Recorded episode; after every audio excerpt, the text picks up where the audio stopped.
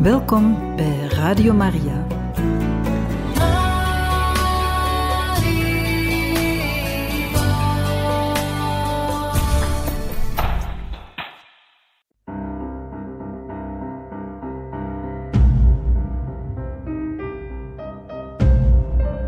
Het woord spreekt.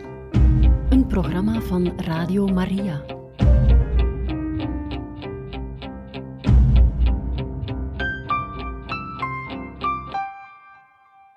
Beste luisteraars van Radio Maria, welkom bij het woord spreekt. In onze lezing in de Handelingen van de Apostelen zijn we gekomen aan hoofdstuk 11, vers 1. De apostelen en de broeders in Judea hoorden dat ook de heidenen het woord van God aanvaarden. Toen Petrus in Jeruzalem kwam, maakten de gelovigen die besneden waren hem verwijten. Ze zeiden, Jij bent in huis geweest bij onbesnedenen en hebt met hen gegeten. Daarop begon Petrus het hun precies uiteen te zetten. Ik raakte, zei hij, in de stad Joppe tijdens het bidden in extase en ik kreeg een visioen. Er kwam iets naar beneden als een groot laken dat aan de vier punten werd neergelaten uit de hemel, en het kwam vlak bij mij. Met gespannen aandacht keek ik erin en ik zag de viervoetige dieren van de aarde, de wilde beesten, de kruipende dieren en de vogels van de hemel. Ook hoorde ik een stem tegen mij zeggen, vooruit Petrus, slacht en eet. Maar ik zei, geen sprake van Heer, want iets dat onrein is of niet zuiver, is nog nooit mijn mond binnengekomen. Maar voor de tweede keer klonk nu de stem uit de hemel. Wat God gezuiverd heeft, moet jij niet onrein maken. Dit gebeurde tot driemaal toe. Daarna werd alles weer omhoog getrokken naar de hemel.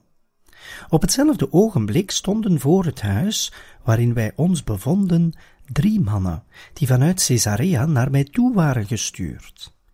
De geest zei me dat ik zonder aarzelen met hen mee moest gaan.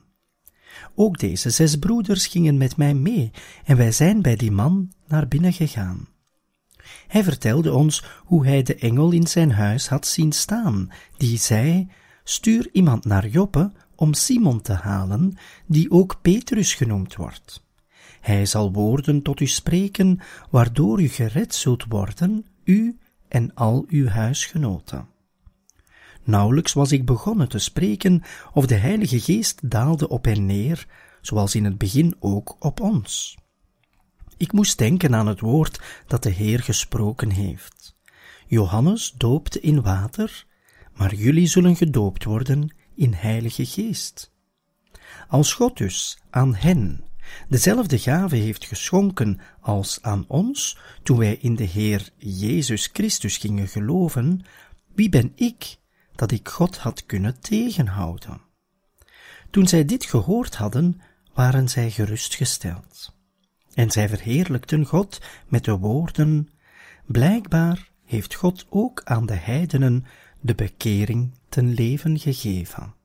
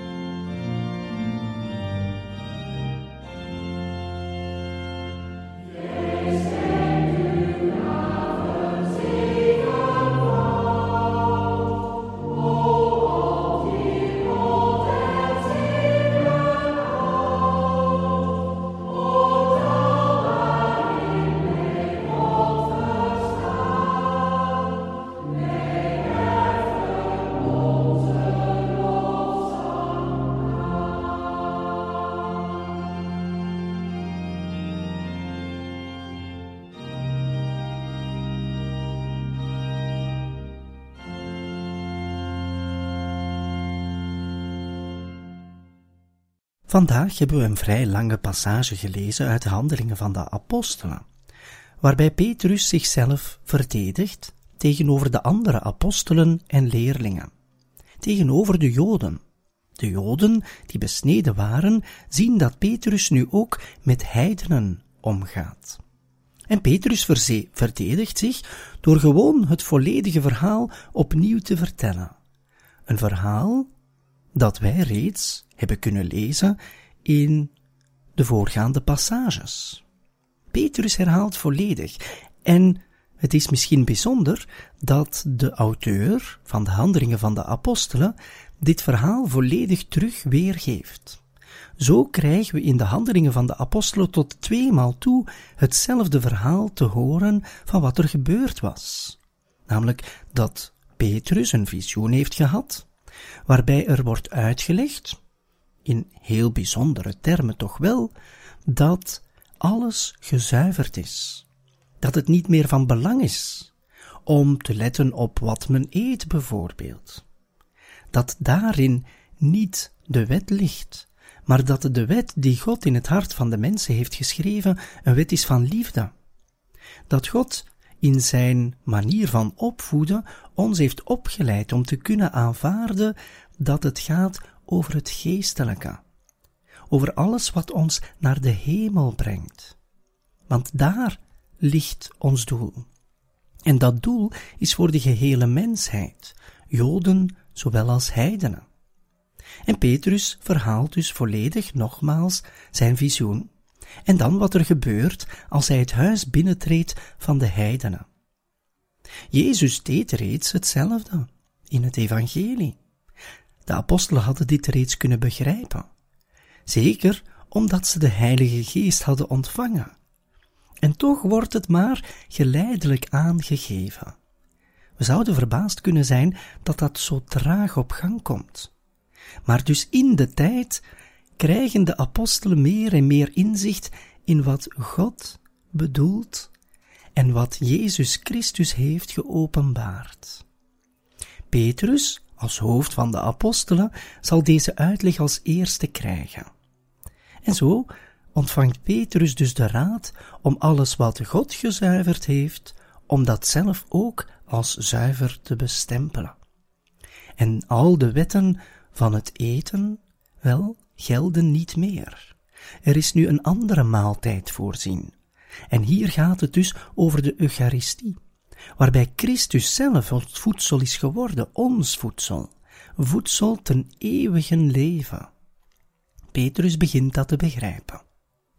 Maar hij vertelt erbij dat het tot driemaal toe gezegd wordt aan hem dat hij dat moet aanvaarden, tot driemaal toe. We zouden kunnen denken aan het moment wanneer Petrus tot driemaal toe de Heer zal verloochenen. En dat hij na de verrijzenis tot driemaal toe aan Jezus zal moeten zeggen dat hij hem wel degelijk bemint. Tot driemaal toe. En nu ook.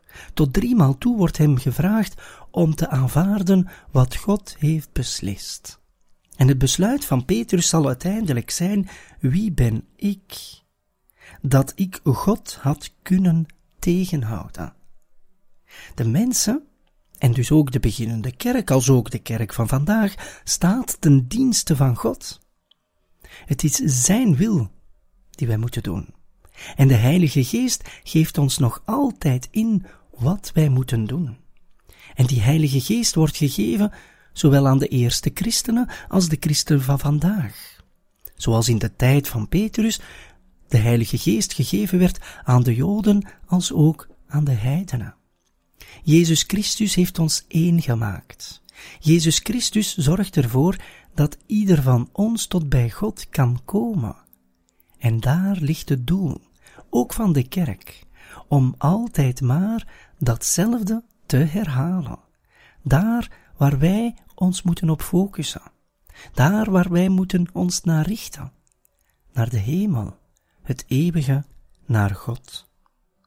Blijkbaar zo zeggen de leerlingen en de apostelen op het einde van de passage die we mochten lezen. Blijkbaar heeft God ook aan de heidenen de bekering ten leven gegeven. Het is pas in het elfde hoofdstuk dat dat werkelijk duidelijk wordt bij de apostelen. En dat is in het midden van het boek van de handelingen van de apostelen. We zijn begonnen in de handelingen van de apostelen door te lezen hoe zij de Heilige Geest ontvingen op de dag van Pinksteren. Nu zijn we in het midden van het boek van die handelingen van de eerste kerk. En nu pas begrijpen zij dat het voor de hele mensheid is dat Jezus gekomen is. Dat de gehele mensheid kan gered worden door Christus. Ja, het is verbazend dat dat zo laat komt. En dus moeten wij ook begrijpen dat de Heilige Geest ook in de tijd werkt. Tot op de dag van vandaag. Geeft Hij ons in hoe wij ons meer en meer kunnen richten op de hemel en op het eeuwige. De geest zei me, staat er in de passage die we lazen, de geest zei me dat ik zonder aarzelen met hen mee moest gaan. Wanneer bijvoorbeeld die mensen aan zijn deur komen kloppen en dat hij moet komen bij iemand, bij een heiden in de stad Caesarea. Petrus zal luisteren omdat het de Heilige Geest is die het hem ingeeft. Ook wij worden vandaag opgeroepen om de Heilige Geest meer te volgen, om meer te luisteren naar de Heilige Geest. En hoe doen we dat? Door ons veel meer open te stellen in het gebed, door ons volledig te laten leiden door de sacramenten van de kerk, en door onszelf ook te zien als een instrument binnenin die kerk om anderen de liefde van God aan te tonen, om anderen ook aan te tonen dat er een Heilige Geest is, die ons leidt, die ons begeleidt, op weg naar eeuwig leven. En zo hebben we vandaag, beste luisteraars, gelezen in de Handelingen van de Apostelen, hoofdstuk 11, versen 1 tot en met 18.